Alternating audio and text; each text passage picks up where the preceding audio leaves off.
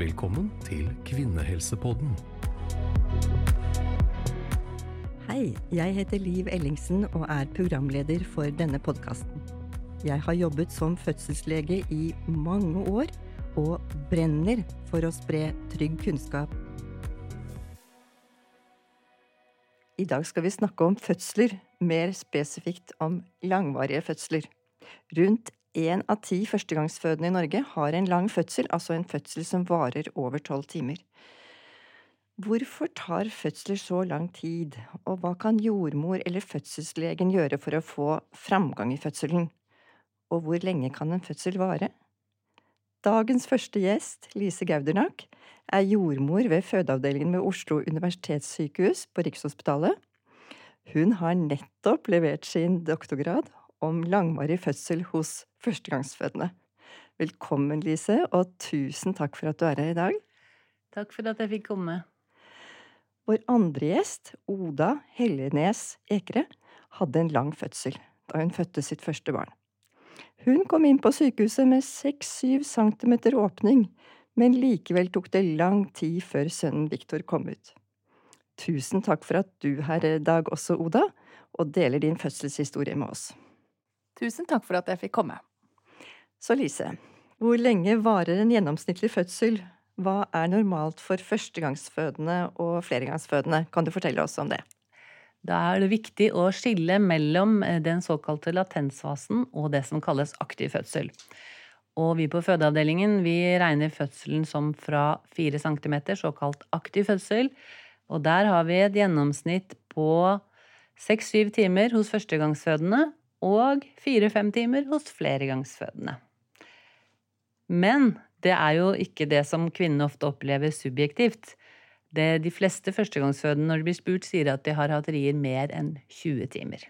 Ja, så dette var gjennomsnittet, men det er jo en veldig stor spredning, da. Og ikke minst spredning i opplevelsen av hvor lang fødselen er.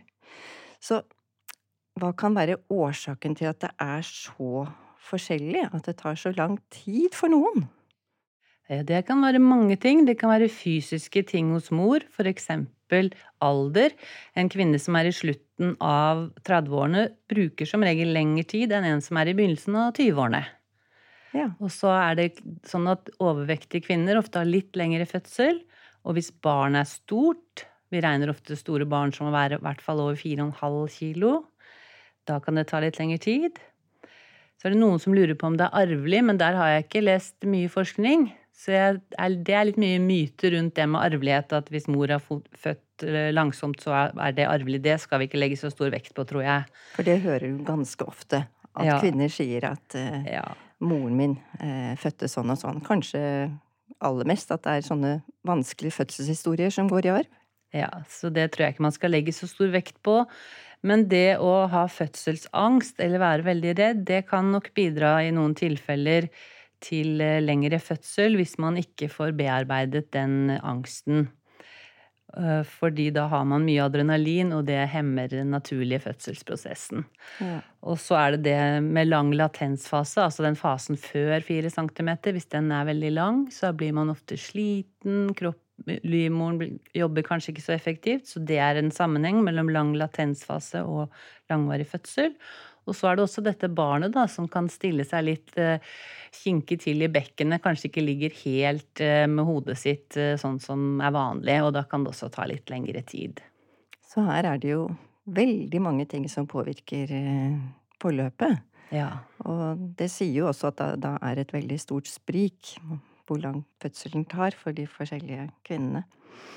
Hva med psykiske årsaker? For det er det lett å tenke seg at hvis man er anspent og gruer seg, at, fødsel, at man kan på en måte hemme fødselen på et vis. Du, vet du noe om det?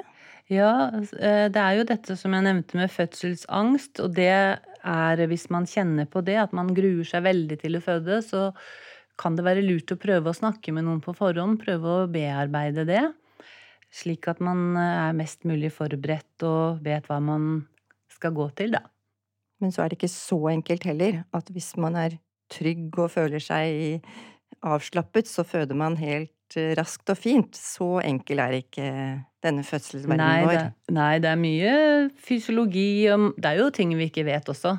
Hvorfor det tar tid hos noen og vel, går veldig fort hos andre. Det ender jo opp med å være et veldig urettferdig uh, spill, Ja. nesten. Fordi noen kommer inn og bare føder fort, og andre blir liggende veldig lenge. Men da skal vi gå over til noe veldig mange lurer på, og det er hvordan kan man vite at fødselen er i gang? Særlig førstegangsfødende. De har jo ikke vært gjennom det før. Hvordan vet de at fødselen har startet? Eh, Det er, først så er det jo en del eh, litt mer diffuse tegn på at det nærmer seg, som vi kan snakke litt om. Og det er at man kanskje føler seg litt urolig, rastløs, begynner å rydde veldig mye hjemme, styre og ordne litt.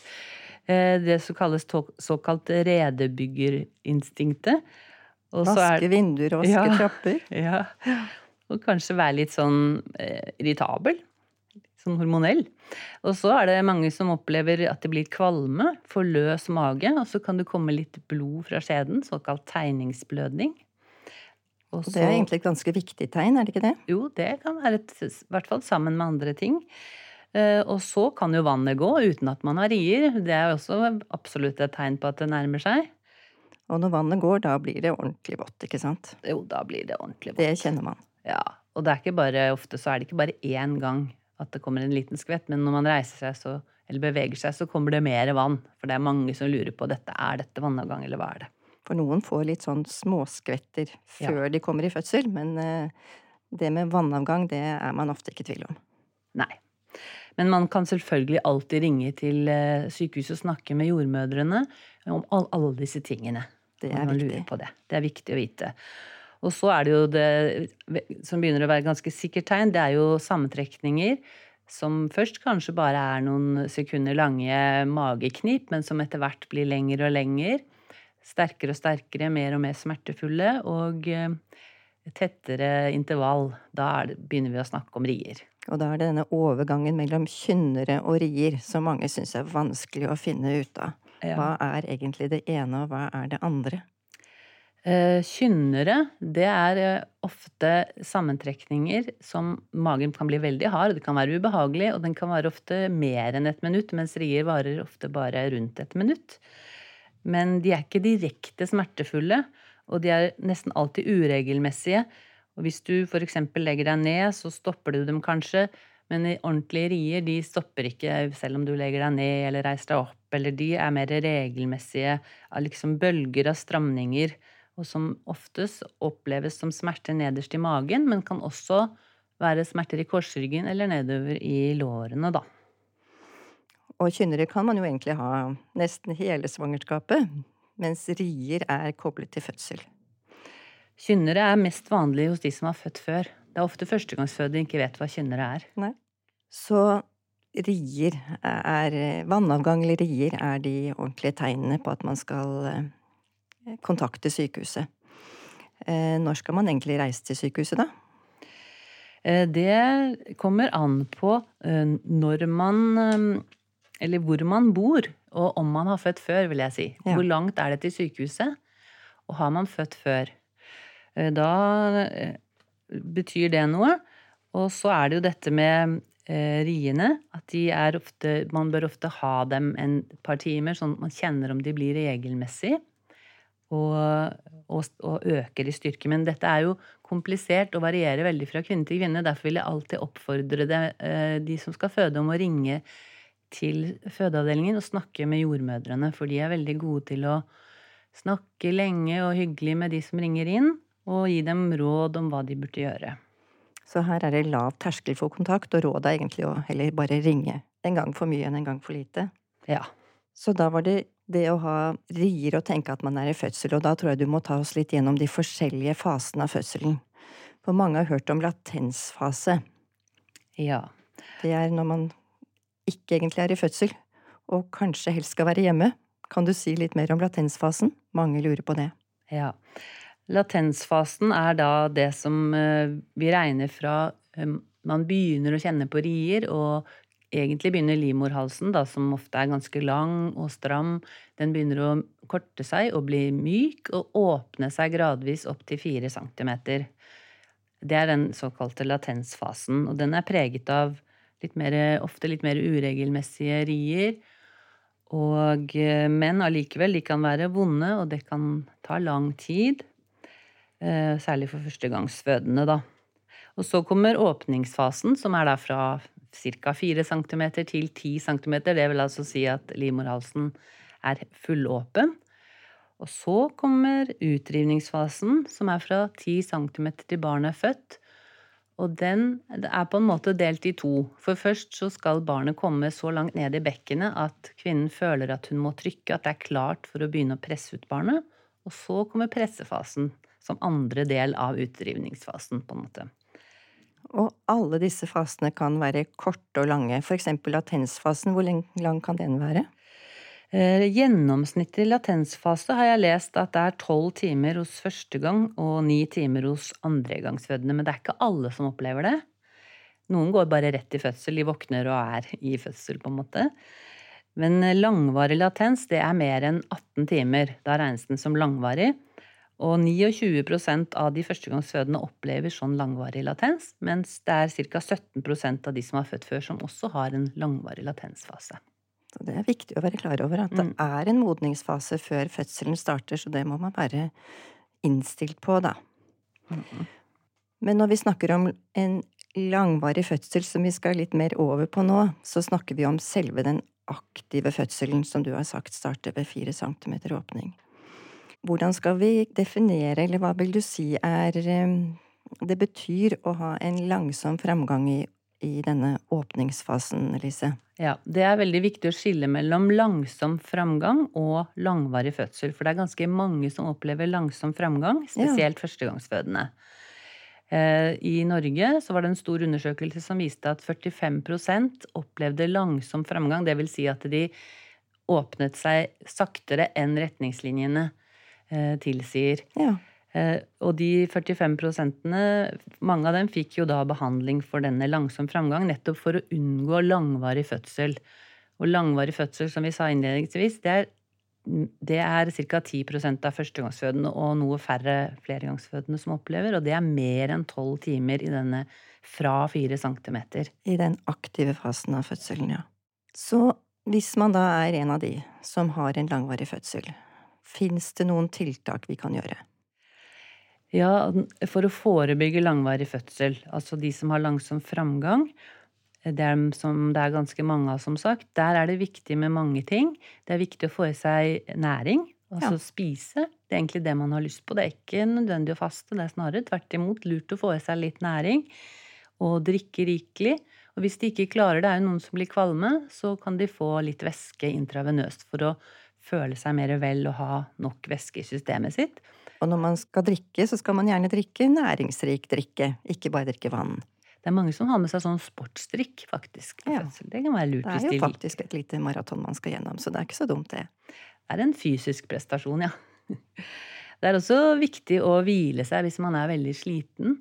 Og så er det viktig å være i aktivitet eh, innimellom og bruke ulike stillinger fordi bekkenet er jo ikke et låst rør, det er bevegelig. Slik at når kvinnen står på knærne, f.eks., så er det en annen eh, åpning i bekkenet, og barnet får en annen sjanse til å komme nedover i bekkenet og helt ut til slutt, da. Og alt dette vil man også få instruksjon om fra jordmora. Det er jo noe av jordmorens eh, mm. spesialfelt. Mm. Er det andre tiltak vi kan gjøre da? Ja, det er dette med oksytocin som jeg er litt opptatt av. Oksytocin er jo to ting. Det er jo et hormon som alle har naturlig, og under svangerskapet så øker oksytocinnivået helt fram til fødsel, og under fødsel er det enda høyere. Så det som er Naturlig oksytocin, ja. Mm. Hormonoksytocin, ja. Mm. Det er viktig at kvinnen får eh, optimale forhold for å utskille sitt eget oksytocin under fødselen. Og det kan alle som er med, hjelpe til med. Både partneren, og selvfølgelig kvinnen selv, og jordmoren og de som er med. Passe på at kvinnen er trygg og uforstyrret og rolig og kan gå inn i sin egen lille boble og takle riene på den måten. Og så kan det også hjelpe med eh, varmt vann eller behagelig berøring, slike ting som utløser oksytocin, dempet belysning, mange sånne ting som jordmødrene er klar over, da. Og som kan være lurt for kvinnen og partneren å, forberede seg på. Men så er det også et medikament som heter oksytocin. Ja. Og det er det som mange sier at de fikk drypp under fødselen. Da fikk de ofte oksytocin intravenøst. Og det, får mange på norske sykehus i dag. Ja. Som eh, eh, førstegangsfødende så er det nesten halvparten som får det. Det er jo mange. Ja. Ja. Og det gis da som et drypp intravenøst, og så må man eh, overvåke fosterlyden under hele behandlingen. Fordi eh, det som man kan risikere da, er at det blir litt for tette rier. Og det må vi prøve å unngå, for det er ikke alltid barnet tåler det. Og da kan barnet få litt eh, påvirket hjertelyd, da. På hvordan virker dette oksytocinet? Oksytocinet gir livmoren på en måte mer krefter, sånn at den lager sterkere rier, og ofte også oftere rier, da. Ja, så det var det oksytocindryppet som blir tilført, og det er det jordmor og kanskje også lege som bestemmer når det skal gis. Det er ikke noe den fødende bestemmer noe. Noen vil kanskje ikke ha det dryppet. Hender det? Det har hendt, for det er jo noen bivirkninger med det som de kanskje har lest om. Og så er det det at de da må være eh, bundet til, holdt jeg på å si, eller koblet til dette apparatet som overvåker både rier og hjertelyden til barnet. Og da blir jo bevegelsesfriheten veldig innskrenket for kvinnen. Og mange kvinner liker å bevege seg fritt for å takle riene på en, en eh, best mulig måte, da. Så her kan det bli litt diskusjon, da. Ja, ja, og det er jo ikke, man kan jo ikke tvinge noen. Det er frivillig. Det er greit å vite, vite om dette hormonet. Smertestillende, da, Lise, får man mer av det når det er en langvarig fødsel? Det er nok vanligere å få mer smertestillende, men alle kan få smertestillende, både de med kort og lang fødsel. Det er jo etter behov, etter hva man har behov for. Det er viktig. Men det er vel sånn at de som har lange fødsler, de får oftere epidural og spinal, er det sånn? I hvert fall epidural, for det er jo et, eh, en bedøvelse som gis i ryggen, og som du kan få kontinuerlig helt til fødselen er over. Mens spinal, det gir vi heller på de raske som har veldig smertefulle fødsler, fordi den varer bare to timer. Det er bare mm. en sprøyte i ryggen. Mm. Epidural får man mer i den gruppen, kanskje, som har lange fødsler. Ja, det er klart. For det kan hende at en kvinne har tenkt at hun skal klare seg uten epidural, og hvis hun har en veldig rask fødsel, så klarer hun å gjennomføre det. Men hvis hun hvis den tar mye lengre tid og blir mer slitsom enn hun hadde ventet, så er det klart at det er mer sannsynlig at hun allikevel da tar den epiduralen. Ja, da er det en god hjelp. Mm. Så nå har vi snakket om åpningstiden, som er fram til det er blitt 10 cm mormunnsåpen, men da kommer vi til det vi kaller utdrivningsfasen. Den kan også være lang. Ja. Hva er normalt i denne fasen? Eh, der er det stor forskjell på første- og flergangsfødende. Hvis man har født en gang før, så er det ofte at den, eh, hele den fasen er over på under én time. Godt under en time. Mens førstegangsfødende er gjennomsnittlig én time, men den kan vare opptil tre-fire timer hos førstegangsfødende. Og der kan det være epidural som kanskje sitter litt for godt, er litt for kraftig, som, som gjør at eh, det blir vanskeligere å kjenne på trykkerier osv. Fins det noe vi kan gjøre i denne fasen, da, for å forkorte fødselen da? Vi snakket om oksytocin, kan det brukes i denne fasen? Eh, det vi ikke snakket så mye om i sted, er jo at man kan jo ta vannet hvis ikke det er godt. Og det bør man gjøre før man bruker eh, oksytocindrypp uansett. Så noen ganger så har, har jo kvinnen åpnet seg fint helt fram til denne fasen og har ikke behøvd oksytocindrypp, men da kan det hende at man både bør ta hull på fostervannet og gi oksytocindrypp. Men før man gjør det, så må man prøve disse tingene som er mer naturlige, f.eks. å bevege seg og nå er det særlig viktig å være oppreist fordi tyngdekraften spiller en rolle for å få barnet nedover. Å bevege bekken i forskjellige vinkler er, er veldig lurt. Det er også fremdeles lurt å ikke være tørst og sulten. Men er, kommer vi ikke til mål med noe av dette, da til slutt, og det blir veldig lang utdrivningsfase, så må man jo hjelpe barnet ut. Og da er det jo oftest at man bruker vakuum, eller som på folkemunne blir kalt sugekopp. En sjelden gang tang, og en enda mye sjeldnere gang så må det bli keisersnitt fordi barnet rett og slett ikke kommer ned i bekkenet. Så alt eh, fram til det, så er det jordmor som er den som er hjelper, men når det blir vakuum, tang og keisersnitt, så kommer legene inn og vurderer, ikke sant? Helt riktig. Og det Mhm. hender jo også at man vurderer sammen og ser litt hvordan det går framover i fødselen før det er Man bestemmer at det skal gjøres noe operativt, da, som vi sier. Mm. Så alt dette snakket om langvarige fødsler, em, hvorfor er vi så opptatt av det? Er det noen ulemper? Hvorfor snakker vi egentlig om den gruppen? Ja, det er eh, dessverre forbundet med noen komplikasjoner å ha fødsler som varer mer enn tolv timer. Og da snakker vi fremdeles om fra fire centimeter, altså. Og det er økt risiko for infeksjoner både hos mor og barn. Eh, Det er ofte større blødninger etter fødsel. Eh, Det er mer vanlig at man får et klipp eller en rift i underlivet. Og noen ganger eh, så blir det jo operativ forløsning, da. Vanligvis blir det da en, som sagt, en vakuumforløsning hvis det blir nødvendig. Men det er også sånn at disse kvinnene oftere får en negativ opplevelse av fødselen. Men da er det viktig å si også at det, veldig mange får ikke en negativ opplevelse, men det er, det er større, grupp, større antall som får negativ opplevelse. Riktig. Så er det noen som lurer på hvor lenge kan en fødsel vare? Er det noen maksgrense for hvor lenge man kan være i fødsel? Vi har snakket om tolv timer, men vi har jo hørt historier om fødsler som har vært lenger enn det. Ofte når man hører historier, så er det kanskje fra kvinnen eller fra paret sin side at de forteller om at de var hjemme med rier i 48 timer, og så kom de på sykehuset. Eh, Og det, mm, det må man jo ha respekt for deres opplevelse, men eh, at en eh, fødsel fra fire centimeter varer mer enn ja, hva vil du si? Jeg vil aldri si mer enn et døgn. Nei. Det er veldig lenge. Det er veldig lenge. Da griper man jo inn. Ja. Så man kan jo ikke selv vite hvor mye åpning det er, så egentlig så kan man ikke selv definere denne starten på fødselen før man har vært på sykehuset. Og det gjør det jo litt vanskelig, så det er vel noen ganger litt forskjell på kvinnens egen opplevelse og den definisjonen vi har. Absolutt. Det kan være stort sprik mellom det kvinnen opplever, og det sykehuset på en måte sier at hvor lenge fødselen varte, da. Så Lise, så har du akkurat nå levert doktorgraden din om langvarig fødsel. Kan du si litt mer om forskningsarbeidet ditt, og hva du faktisk har funnet ut? Mm.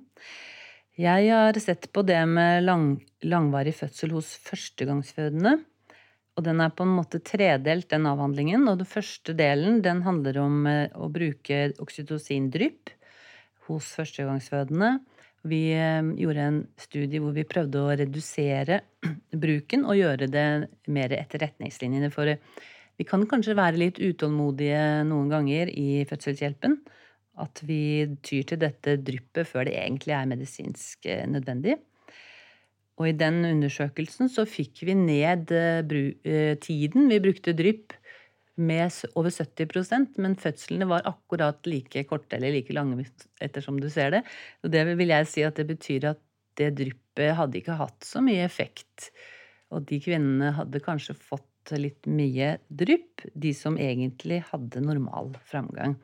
Så det var lærerikt for oss. Og så så vi også på hvordan oksytocindrypp påvirket eh, forløsningsmetode, og da så vi dessverre at de som fikk dryppet, de hadde oftere brukte sugekopp eller tang. Og det var selv om vi justerte såkalt for andre ting som kan gi sugekopp eller tang, f.eks. da store barn. Så da så vi at det var noen bivirkninger ved oksytocin. Så det er ikke bare vi som har vist, da. Det er det flere som har vist. Særlig hvis du gir oksytocin til kvinner som egentlig ikke trenger det. Det er jo logisk, for da får man kanskje litt for mye rier. Og da blir, det, blir barnet påvirket, og så må man hjelpe barnet ut. Så her har fødselshjelperne kanskje et forbedringspotensial, da, så dette jobbes jo mye med på norske fødeavdelinger. Absolutt. Det har vi. Også den andre delen av denne avhandlingen handler om opplevelse hos en gruppe kvinner som har langvarig fødsel, altså mer enn tolv timer, sammenlignet med de som har mindre enn tolv timer, fremdeles førstegangsfødende. Og i den gruppen som helhet, da var det 85 kvinner som hadde mer enn tolv timer, de opplevde fødselen mer eh, dårligere enn de som som ikke hadde så lang fødsel. Ja, det er Men det var kanskje som- ikke så rart når, det- når man ligger veldig lenge i fødsel, Nei. at det blir en eh, litt dårligere opplevelse. Ja, men det var jo som gruppe. Det var ikke alle i den gruppen, for å si det sånn. Det er viktig. Ja. Og så spurte vi dem også om de ville ønske seg keisersnitt ved neste fødsel. For vi lurte på om en sånn lang fødsel kunne utløse et sånt ønske. Men når vi justerte for alle andre ting, sånn som for eksempel keisersnitt, akutt keisersnitt og andre ting som kan gi en dårlig opplevelse, så viste det seg at de kvinnene hadde ikke noe mer lyst til å bli forløst med keisersnitt neste gang enn andre kvinner. Og det var jo på en måte bra. Det er kanskje en myte vi har, da. At vi Ja. tror at en eh, dårlig opplevelse gjør at man vil ha keisersnitt neste gang. Vi lurte litt på det. Ja. Mhm. Så den siste delen av, um, avhandlingen handler om at vi prøvde ut et krampeløsende medikament som heter Buscopan, for å se om muskulaturen i livmorhalsen kunne løsne eller mykes opp fortere, slik at fødselen ville gå fortere, for livmorhalsen har jo en viktig rolle. Det er jo ikke bare livmoren. Livmorhalsen må åpne seg, og hvis den er full av muskler, og hvis de musklene er rigide, så kan man tenke seg at det er derfor at fødselen går langsomt, og ikke egentlig livmoren som ikke lager nok rier.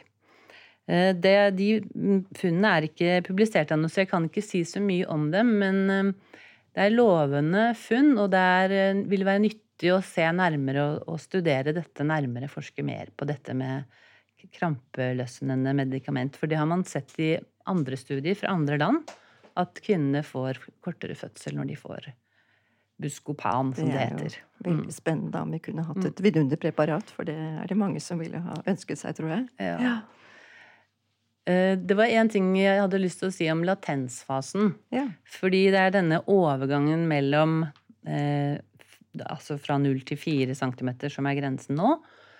Og så kommer man eh, over i aktiv fødsel og er på en måte Yes, nå er du endelig i fødsel, er det noen som sier, ikke sant? Men det som er litt eh, bekymringsfullt, er at eh, i USA eksempel, så pusher de den grensen hele tiden når er aktiv fødsel, til nå er de helt oppe i 6 centimeter. Og Verdens helseorganisasjon de sier 5 cm. Så det er en, en veldig lang latensfase mange førstegangsfødende skal igjennom. Og vi er jo av og til litt bekymret for at de burde få hjelp tidligere. For da blir man ofte på en måte avvist litt på sykehuset, og man tenker at det er best å være hjemme før man er i aktiv fødsel. Men det gjelder ikke alle. Det er en gruppe kvinner som trenger hjelp før dette. Som trenger både smertelindring og omsorg, og eventuelt også komme videre i fødselen som har stoppet helt opp. Så det stemmer ikke at det alltid er best å være hjemme. Det er gjort forskning på det og sammenlignet de som er hjemme med lang fødsel, med de som er på sykehuset, og de har akkurat like mange, mye inngrep i begge grupper. Så der er det om å gjøre å ikke la det gå for langt, tenker jeg, da. At, eh, at, at, at eh, aktiv fødsel Når starter egentlig den? Ja. For det er faktisk noe man hører mye om, at kvinner blir avvist på fødeavdelingen. Ja. Det må ikke være så rigid at det bare handler om antall centimeter. Nei, det er viktig. Da har vi fått en fin gjennomgang av lang fødsel fra deg, Lise. Men nå skal vi over til deg, Oda. Hvordan opplevdes det å ha en lang fødsel når du fødte Viktor? Nei, altså kort oppsummert så vil jeg si at jeg hadde en veldig fin fødselsopplevelse. Ja, eh, hvis jeg skal eh, si det helt kort. Um, og jeg tror kanskje en av grunnene til det var at eh, jeg hadde ikke noen sånne sterke forventninger til hvor lang tid fødselen skulle ta. Eh, sånn at da ble jeg på en måte ikke skuffa heller over at, at det tok litt tid. Eh, men kanskje den Jeg hadde vel ikke sett for meg det at Eller jeg kom inn på sykehuset, hvis vi starter litt fra, fra starten av, da jeg begynte med rier. Eh, eller veldig svake rier, men jeg kom i gang sånn i ellevetiden. En søndag, siste søndagen i oktober. Eh, og så var jeg hjemme til eh, litt utpå kvelden, så jeg kom vel opp på sykehuset sånn rundt kvart på åtte. Og, Og da, da- Det var kanskje denne latensfasen da som du hadde hjemme? Ja. Og da var du sikkert spent på hvor langt du var kommet da ja, du kom jeg var veldig sykehuset? spent på hvor langt jeg hadde kommet da jeg kom på sykehuset. Og da ble jeg undersøkt uh, med en gang jeg kom inn, og da var jeg på 6-7 centimeter. Så det, Det var en veldig gledelig overraskelse uh, da. Um, så jeg hadde en veldig, hvis vi bruker det begrepet, fin latensfase hjemme. Em, jeg dusjet eh, en del og spiste middag og, og koste meg med stearinlys. Apropos sånne oksytocinfremmende tiltak. Ja. Um, så, da, så da kom jeg opp, og, og jeg, jeg hadde ikke så veldig mye kunnskap om lang fødsel, så jeg har lært mye om det med å høre på, på Lise nå. Men jeg hadde nok kanskje sett for meg at jeg ikke skulle bruke Det endte med at jeg brukte tolv timer fra 6-7 cm og til Viktor var ute. Uh, og det, det, det tror jeg på mange måter at jeg, jeg ikke Jeg trodde ikke det skulle ta så lang tid, men som sagt så hadde jeg heller ikke noen sånne store forventninger til akkurat det. Så det totalt sett så gikk det, så gikk det veldig, veldig greit. Men det som skjedde med meg, egentlig, var vel at eh, Eller jeg lå i, i, i badekar etter at jeg kom inn på fødestuen Ja. eh, lenge, og det syns jeg var eh, veldig deilig. Og så, apropos enda flere oksytocinfremmende tiltak, så hadde jeg med elektriske stearinlys. Så vi lagde, var veldig fin atmosfære inne på fødestuen. Ja. Eh, og så var det på høsten, så det var mørkt, og det var veldig koselig. ja, så fint. Ja, ehm, eh, men man kan vel kanskje si til tross for det, da, så gikk det litt sakte fremover, sånn at jeg eh, var vel på åtte centimeter i ganske mange timer. Så da anbefalte den flinke jordmoren min Siri at, ehm, at jeg skulle få oksytocin eh, intravenøst, eller dette dryppet, som har vært nevnt tidligere. Eh, og da eh, var det noe jeg eh, selvfølgelig var med på da, eh, men da ville jeg gjerne ha eh, epidural. Ja. Eh, for da eh, hadde jeg litt sånn forestilling av at da er det ikke på en måte mine naturlige rier. Eller det er det jo for så vidt, da, men da blir de stimulert på en annen måte. sånn at eh, da ville jeg gjerne ha det. Så da fikk jeg epidural. Eh, og så Hvordan var det? Eh, nei, det Var det godt å få den hjelpen? Ja, for meg så var det jo dessverre ikke det. Eh, det var på en måte, det var godt på den ene siden, men min epidural virket bare på den ene siden. Eh, sånn at jeg hadde et sånt stort eh, Eller jeg hadde fremdeles smerter eh, på den andre siden av i lysken. Så, så det var Det var jo litt sånn Det hadde ikke den effekten som jeg hadde håpet på, da, Nei. dessverre. Men det var bare sånn det var. Så, så jeg tror det kanskje hadde gjort at jeg hadde fått slappet av litt mer, da. Mm. For det var jo egentlig litt planen, at jeg skulle slappe av litt da jeg fikk den. Ja. Men det fikk jeg jo ikke da gjort på samme måte. Eh, så da hadde jeg epidural, og så fikk jeg også dette dryppet, og det dryppet, det det hjalp rett og slett ikke så veldig, så jeg hadde en veldig sånn riesvekkelse. Eh, sånn at jeg kom meg opp på 10 cm klokken fire på natten. Ja. Eh, og da jeg Så til slutt så ble klokken seks, og da hadde Det var fremdeles ikke noe særlig rier. Timene gikk. Eh, selv om jeg hadde Jeg tror jeg hadde maksimalt eh, drypp og maksimal epidural og alt som var, men eh, det var rett og slett Ting sto litt stille. Eh, så da begynte jeg å presse, eh, for da hadde jeg hatt 10 cm i, i to timer. Eh, og da var jo det en litt sånn rar følelse, da. Skulle presse uten å ha rier.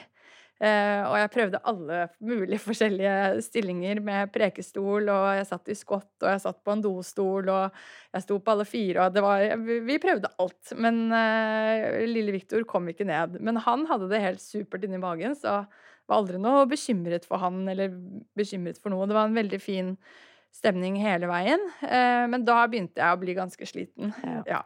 Så, da var, så da jeg hadde holdt på med det i eh, Ja, frem til klokken halv åtte, da, så, så holdt jeg på med det. Så det var halvannen time, og da eh, da var, kreftene, var det slutt på kreftene. Så da fikk jeg hjelp med, med vakuum. Så da kom det leger og, og hjalp meg med det. Um, og så var det tre drag, og så var Viktor ute. Så det var veldig deilig å få den hjelpen på slutten der.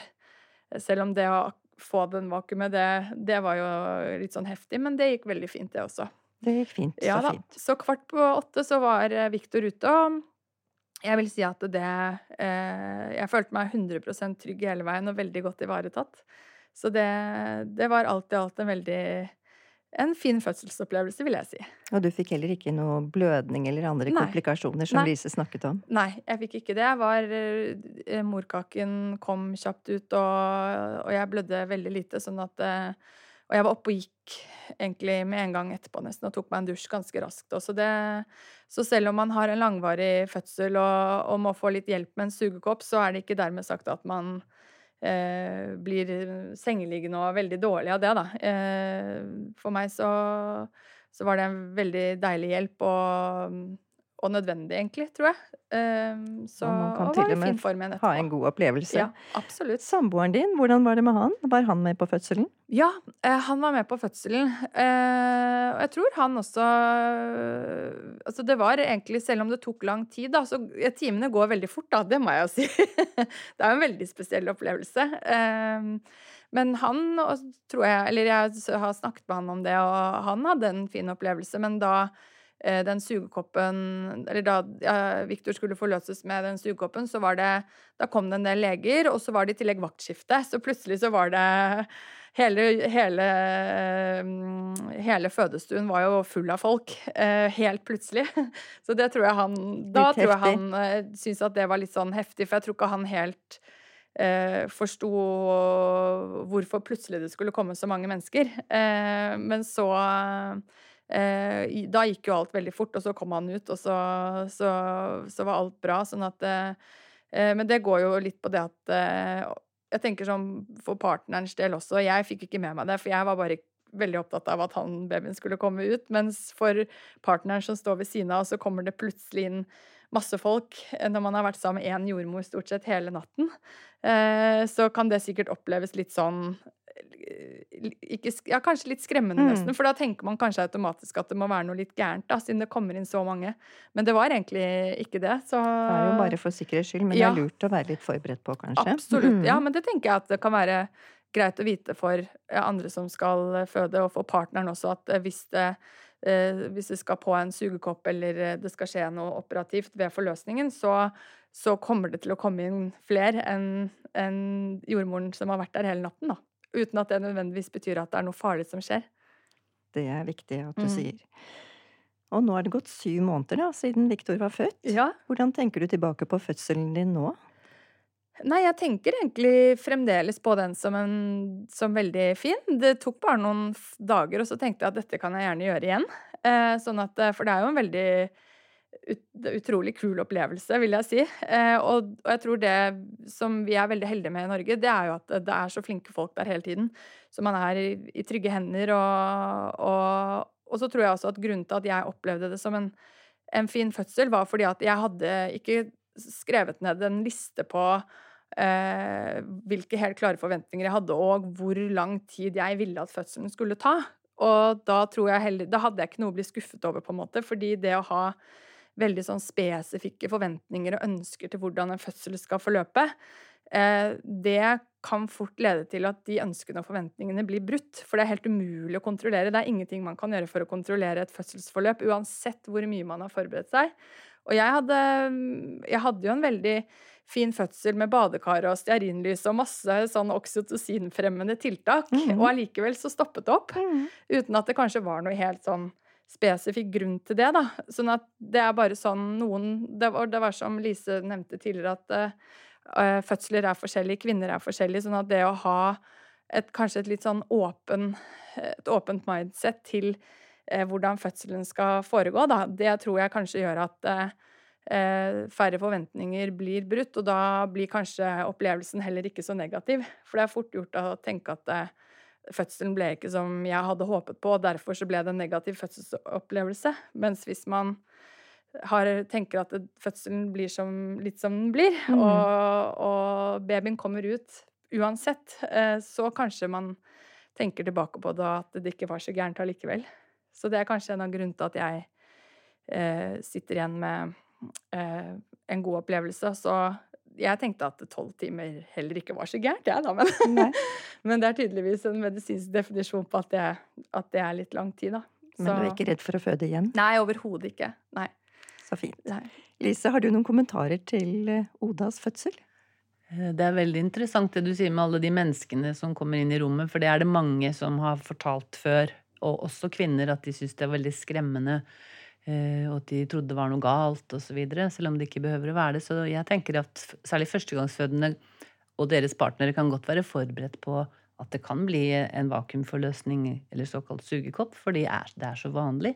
Jeg tror kanskje én av fem eller én av fire førstegangsfødende opplever det. Og da er det jo like greit at man er litt forberedt, så man ikke blir unødig skremt. Mm. Mm. Helt enig.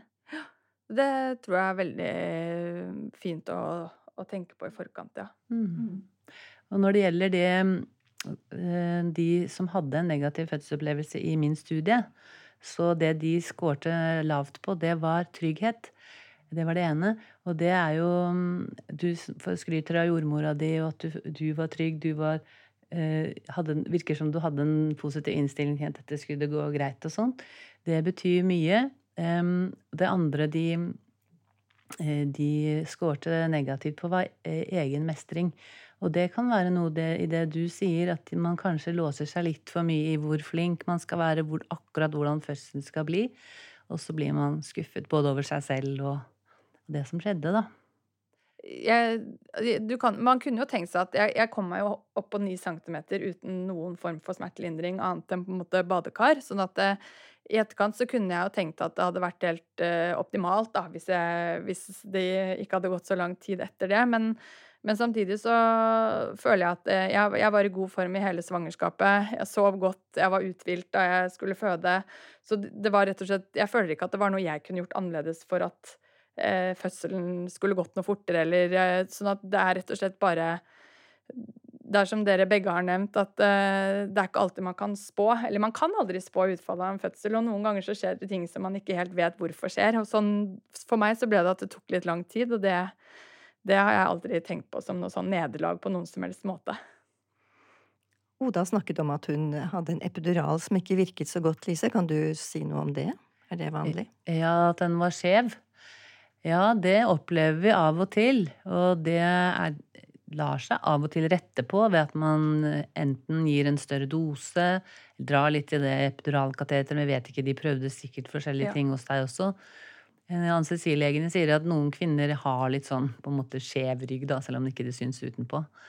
Sånn at um, kan, man kan oppleve det. Og hvis man gir altfor mye, så blir man jo så nummen at man i hvert fall ikke får noe rier. Så, ja. så det er en vanskelig balansegang. Mm. Ja. Og Oda, du hørte Lise snakke om all teorien. Eh, mm. Eh, har du noen spørsmål til Lise? Eh, ja, et Eh, spørsmål, og det gikk litt på dette med som du snakket om, med det å, å, produsere oksytocin selv. For da nevnte du jo mange fine tiltak. Men det jeg lurte litt på, som, det var dette med det å puste. Og den, har det betydning for altså oksytocinproduksjonen, eller eventuelt det å slappe mer av? Altså det med fokus på pusten? Det har i hvert fall eh, en effekt på å slappe mer av. Og mm. så kan du kanskje si at da får du mer oksytocin. Jeg har ikke sett noe forskning på akkurat det, men det er klart at jeg pleier bare å si til kvinnen at uh, pust rolig, pust som du vil, men bare ikke slutt å puste, liksom. Ikke hold pusten, for da spenner du deg, og det blir vondere. Mm. Mm. Ja, da har vi egentlig kommet til veis ende. Så tusen takk både Lise og Oda for en veldig spennende og hyggelig samtale om lange fødsler. Og takk til deg som lytter. Håper du likte denne episoden, og hjelp oss gjerne med å spre trygg kunnskap ved å dele denne episoden med noen den kan være nyttig for. Og har du tips til temaer, ris eller ros, så ta gjerne kontakt på Instagram-kontoen vår, Kvinnehelsepodden. Så takk for i dag. Takk for meg. Og takk for meg.